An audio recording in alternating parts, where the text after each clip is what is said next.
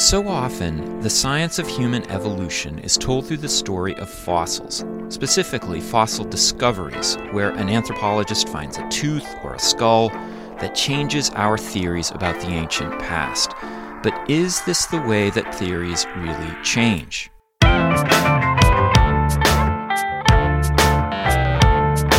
It's time to eat the dogs. I'm Michael Robinson. Today, Emily Kern talks about the search for human origins in the 20th century. Specifically, why anthropologists came to see Africa rather than Asia as the cradle of the human species. Kern is a postdoctoral research associate in New Earth Histories at the University of New South Wales in Australia, where she specializes in the history of modern science. She is currently completing her book, out of Asia A History of the Global Search for the Origins of Humankind. Emily Kern, thank you so much for talking with me. Thank you. It's a delight to be on here. So, I think, you know, pretty much any middle schooler here in the States would be able to tell you if you ask them the question, where did the human species originate? They would say Africa. It seems to be so settled now as a scientific theory. But, you know, reading your book, I realized that this is actually a pretty recent thing. In your book, you actually talk about how for centuries, scholars had thought that Asia was actually the cradle of humanity. Um, an idea that you say actually emerges from the Bible. I was wondering if you could explain that. Sure. Um, so I think one of the things that I find most fascinating about this is the fact that this theory of Asian origins shows up first in biblical sources even uh, interpretations from the first century CE by the Jewish Roman historian Josephus locates the Garden of Eden somewhere in Asia. And this textual tradition gets passed down for multiple generations.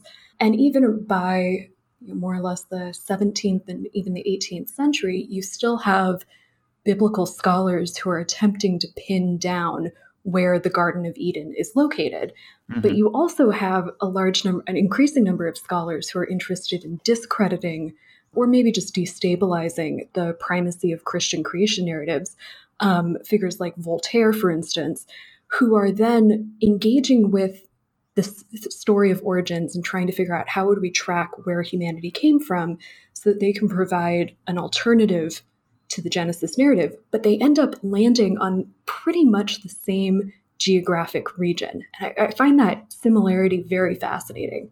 Yeah, and in addition to that, it seems that as you were saying, these things seem to kind of fit together with other events in the 1700s and 1800s around the study of languages. I guess what they called philology and what we call linguistics. And one person who you talk about and who figures pretty importantly in your book is William Jones. I was wondering if you could talk a little about Jones and how he contributed to this um, out of Asia hypothesis. Sure. So Jones is a really fascinating figure, both on the philology side and also because he's kind of the, the chief villain in a lot of ways in Edward Said's you know, seminal work, Orientalism. Um, so Jones was a, a British administrator and juror who goes to Bengal in the late 18th century.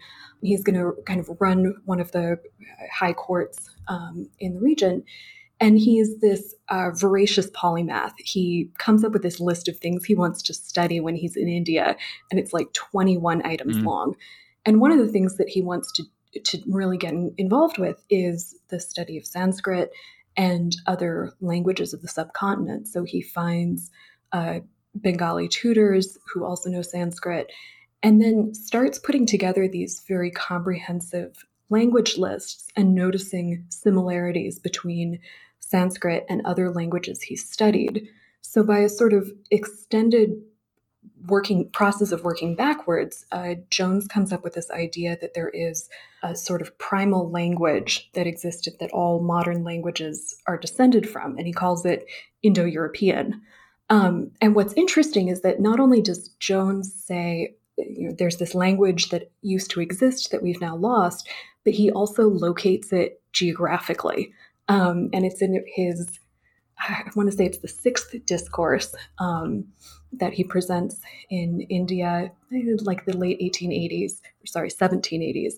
And he says, we can kind of narrow down where this language was first spoken, and he locates it somewhere more or less kind of in what would now be northern Pakistan or Afghanistan, kind of eh, north of the Indus River Valley, which is also where Voltaire put it. Jones is is not interested in, in disproving the Bible. I believe that he's quite religious, actually, but um, still arriving at this same point and making this argument for the first language of mankind being also synonymous with the origins of mankind. Yeah, that's something I found really interesting. There is this kind of theory that um, you know science and religion are at war with each other. You hear hear that in the you know popular press, and you hear a lot about Galileo. And the story of Jones seems to be like so interesting to me because it's a person who's actually quite religious and really interested in languages but at the same time using these kind of um, sophisticated techniques, I guess, to push the theory forward to tr- to try to find sources outside of the Bible to you know understand, let's say, the history of the human species or or at least human language. So I was wondering if you I don't know as as you're looking at this out of Asia hypothesis, how much you feel these two things, linguistics and religion, are kind of intertwined, or do you do you see them as separate, you know, entities? I think for a lot of people, they're they're actually very closely linked.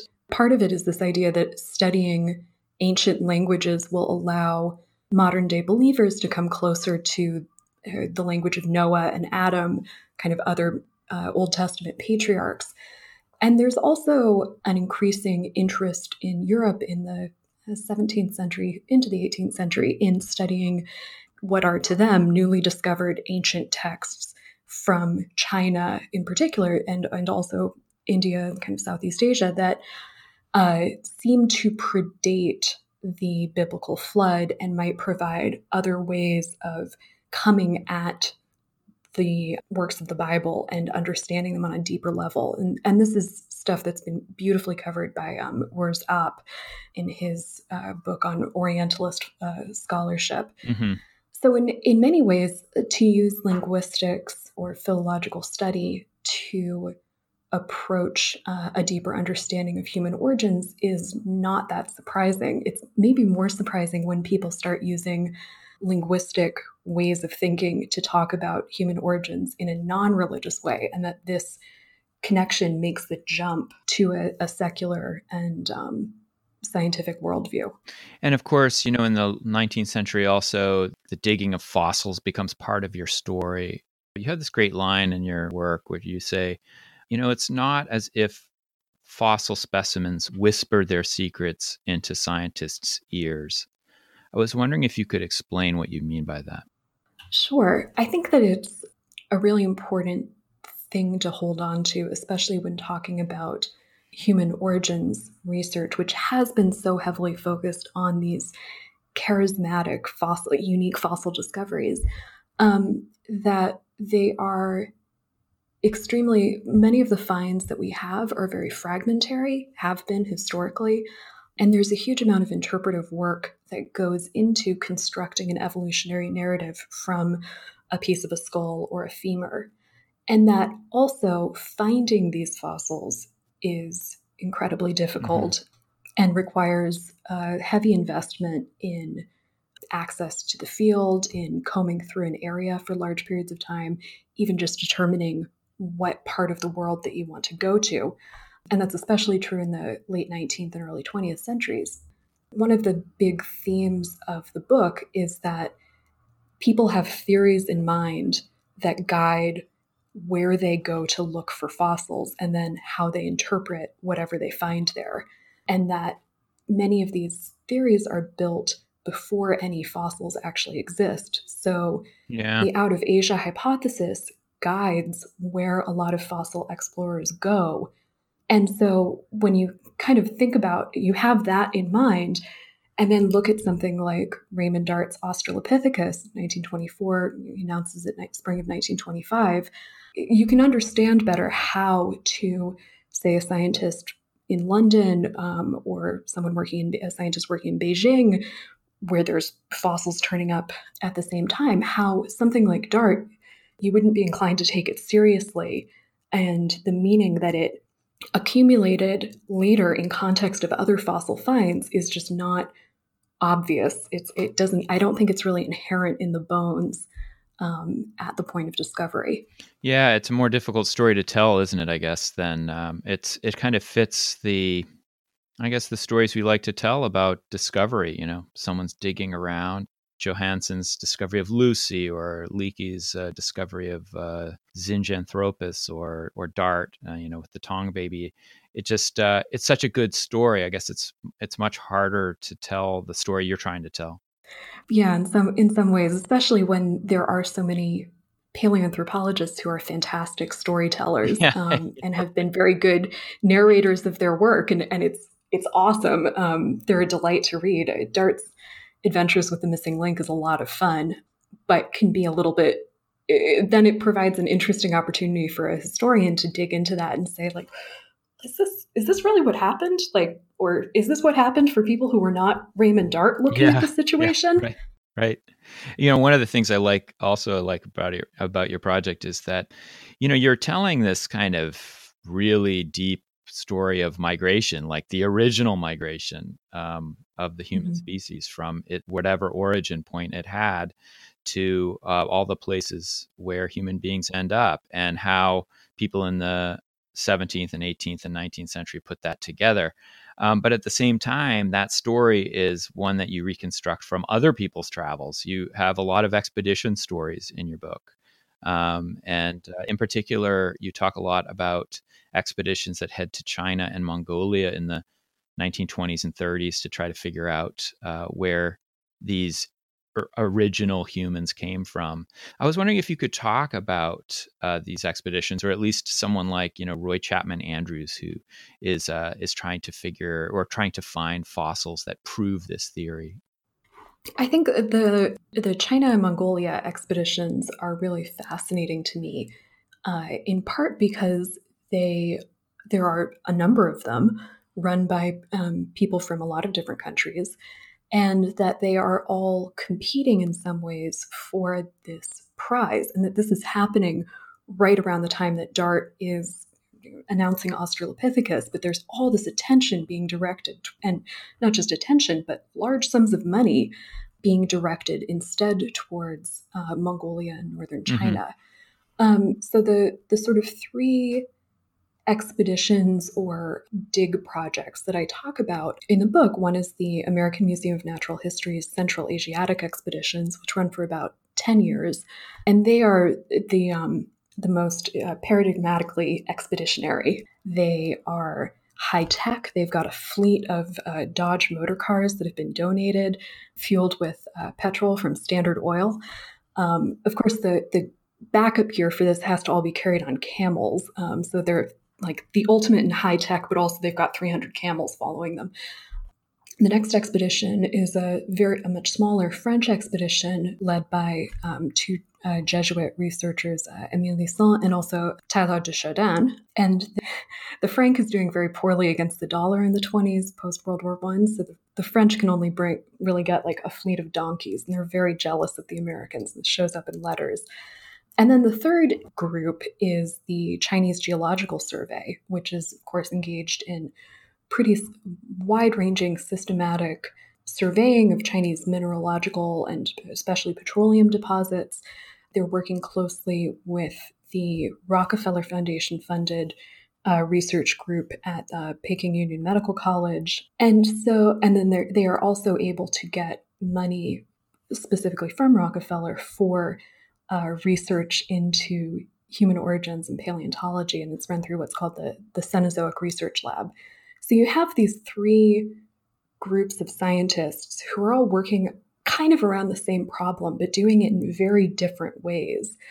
And of course, the uh, Chinese researchers are the ones who lo- who discover uh, the remains of what's originally called Peking Man, which is a collection of skull, so crania and also some post cranial material in a, I think, limestone quarry um, called Dragon Bone Hill um, that had been known for a long time to have fossilized remains term dragon bones used in traditional Chinese medicine. And so the discovery at the town is called Zhoukoudian, in some ways validates many of the theories that have been proposed, even as increasingly uh, the scientists decide they have not, they found an early human, so a, a hominin, a proto human ancestor, but it's not the uh, quote unquote missing link. So for the Americans, in some ways, it's, it's sort of uh, heartening to say like, okay, they got close, but they didn't exactly find it, and maybe we'll have a better shot. Um, but of course, also the um, the political situation in China, especially in kind of northern China, in a region called Inner Mongolia, is really deteriorating across the late 20s. And furthermore, the American expedition does themselves no favors by uh, rampantly disregarding a number of uh, Chinese antiquities law uh, provisions many of which were written in you know, the 1910s with assistance from American experts at the museum.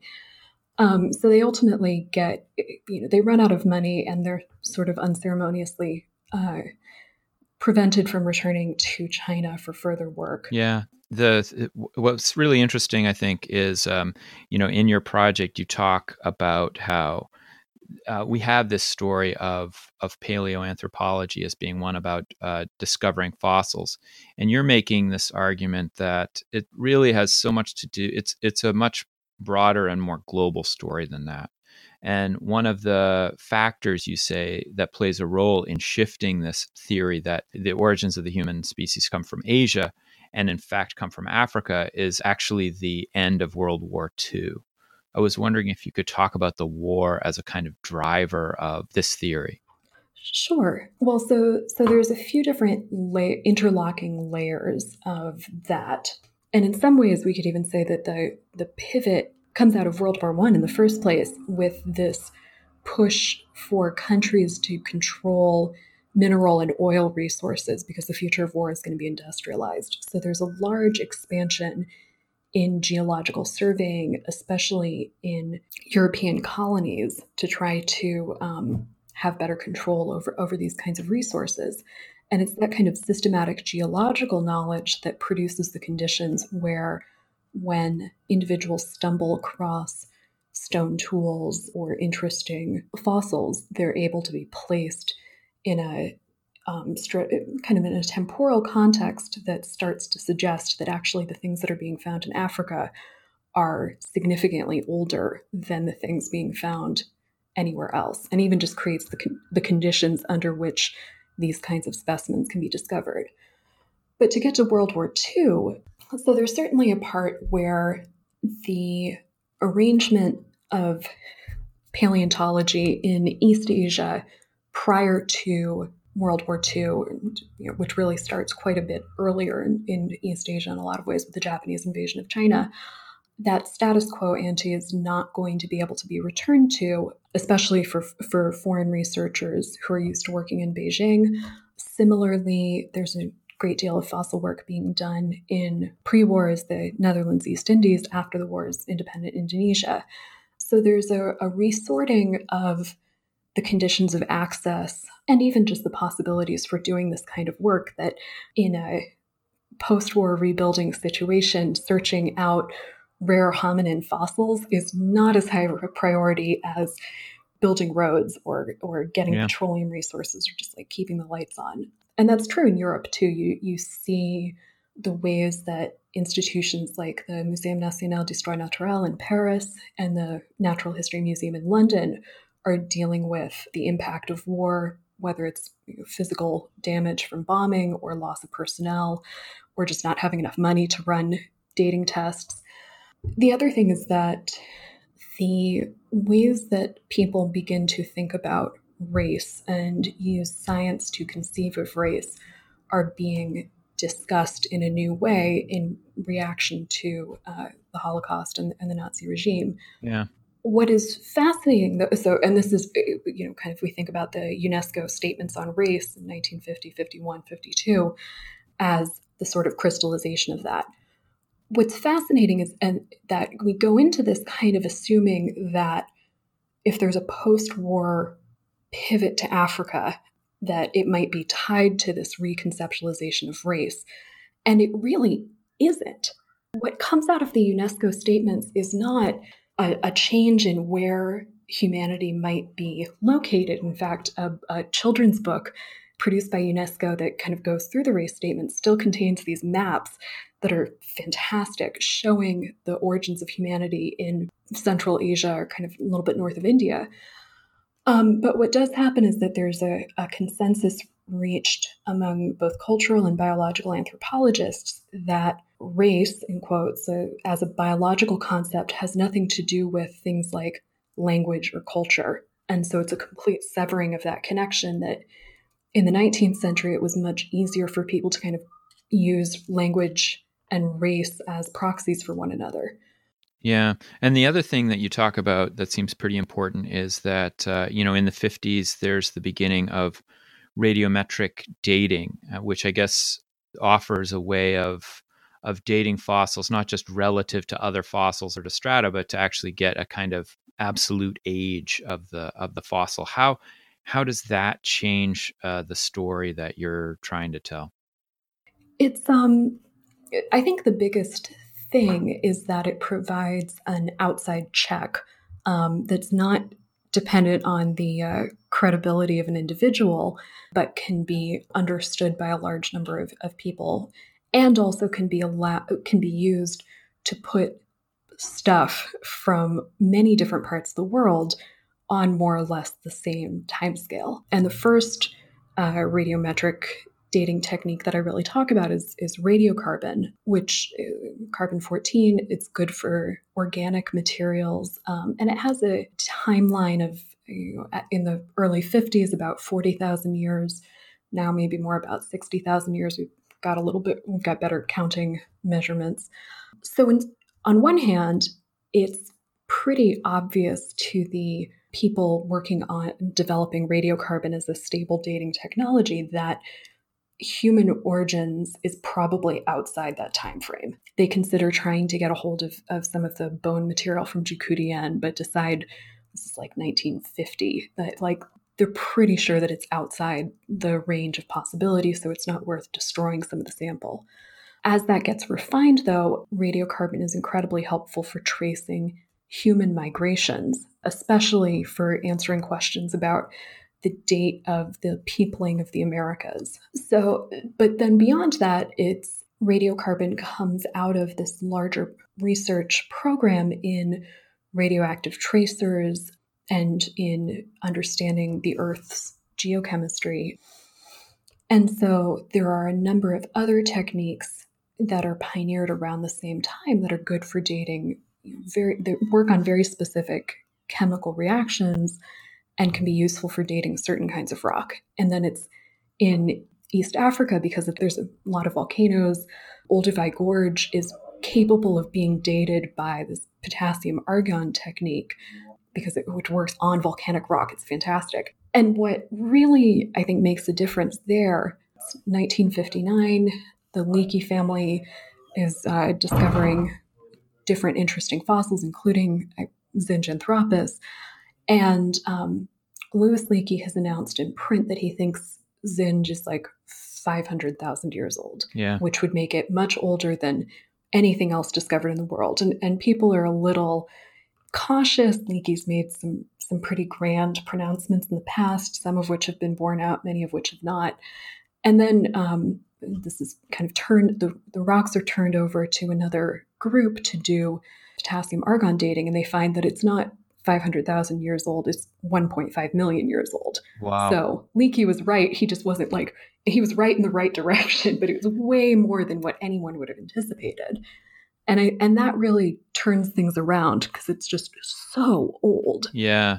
And, and, you know, uh, the other thing I was thinking about as I read your work on Leakey and on Dart, Raymond Dart, is that these you know these individuals I, I was thinking actually about uh, Roger Lewin's book uh, bone of contention bones of contention and, mm-hmm. and, he mm-hmm. talks about these anthropologists who are making that case you know the human origins are in africa and he kind of talks about the fact that they didn't catch on as a question of bias you know that people were close-minded to these theories and so they didn't accept it. But you seem to be making a slightly different argument that um, you know that there, there, are all of these bigger structures that are kind of steering this theory, you know, beyond the story of the individual. And I was wondering, you know, when you look back on those figures like uh, Raymond Dart or Louis Leakey, were they interpreted at the time differently than we talk about them now? Um, yeah, I, I think that they have become these public figures and fairly respected scientists now because a lot of their what were at the time wild wild predictions were borne out. And there are a lot of ways where you can see from like Leakey's uh, letters and notes in the 1930s when he's first investigating in Kenya and then Tanzania, where he is becoming increasingly convinced that he is onto something, but he's not really sure what. Uh-huh. And he's writing to his mentors in the UK who are like, okay, Louis, that that's cool, but you got to prove it. And I think that in some ways, looking at someone like like people like Dart and Leakey to assess how other people thought about their theories is really challenging because they're pretty convinced that they're right. They probably wouldn't be saying this if they weren't. Some, there's a lot of professional importance at stake. So it's interesting to me to look at other figures who are in the sort of paleoanthropological community, but don't have a particular um, stake in the game about whether it's Asia, whether it's Africa, how old is this fossil? And for that, one of my f- kind of favorite sources has been the, the papers of a British geologist and paleoanthropologist named Kenneth Oakley, um, who was at the London Museum of Natural History for most of his career and then and then moved to Oxford. And Oakley is one of the delegates who goes down to this meeting in Nairobi in 1947, and he writes really great reports and includes all his receipts because he's he's very diligent in that way. And he writes up this little commentary for himself on his way back that starts out by saying, you know, formerly we would have believed that the quote Garden of Eden, he does still use that framing, like the, the Edenic references keep showing up, was located in Asia. But after this conference, I'm increasingly convinced that humanity actually began in Africa. And here are my reasons. And, he, huh. and it's sort of geological evidence, archaeological evidence, and then the fossils. Um, but the fossils have to be interpreted in the light of these other two other things. things. Yeah. So, you know, as I'm reading your text, it's making me think about modern paleoanthropology and and this idea that like, you know, at one level I look at it at least from an outsider's point of view and I say, wow, you know, they have all of these new techniques many of which are not, let's say, as f- um, fossil centric as earlier periods. You know, the use of mitochondrial DNA, for example, to try to you know create maps of human migration in the past and all of these different things that they can do now um, around with DNA, for example. But then again, I think you know, yeah, but the the stories that you find on the bookshelves of Barnes and Nobles are still about fossil discoveries. That those are the stories that make it to National Geographic. and yeah, and so I guess I was wondering if you had any thoughts about modern paleoanthropology or if or if your project has somehow shaped the way you look at it. Oh, that's an interesting question. Um, partly because the the rate of discoveries in like really interesting fossil finds in African paleoanthropology has just continued to accelerate in the past you know, five years that I've been working on this project. So now whenever I, I give a talk, I have to kind of pull up nature and like go through what's the latest yeah, consensus yeah. here. Um, and it's also always possible that I'm going to read something and, and, then, you know, a year later, someone's going to be like, wait, shoot, we screwed up. On one hand, um, kind of knowing the, the history of it as I do, I'm cautious about claims for very dramatic new discoveries um, that are built on, you know, some pretty big interpretations of very small data sets. And that's equally true for fossils as for genetic information.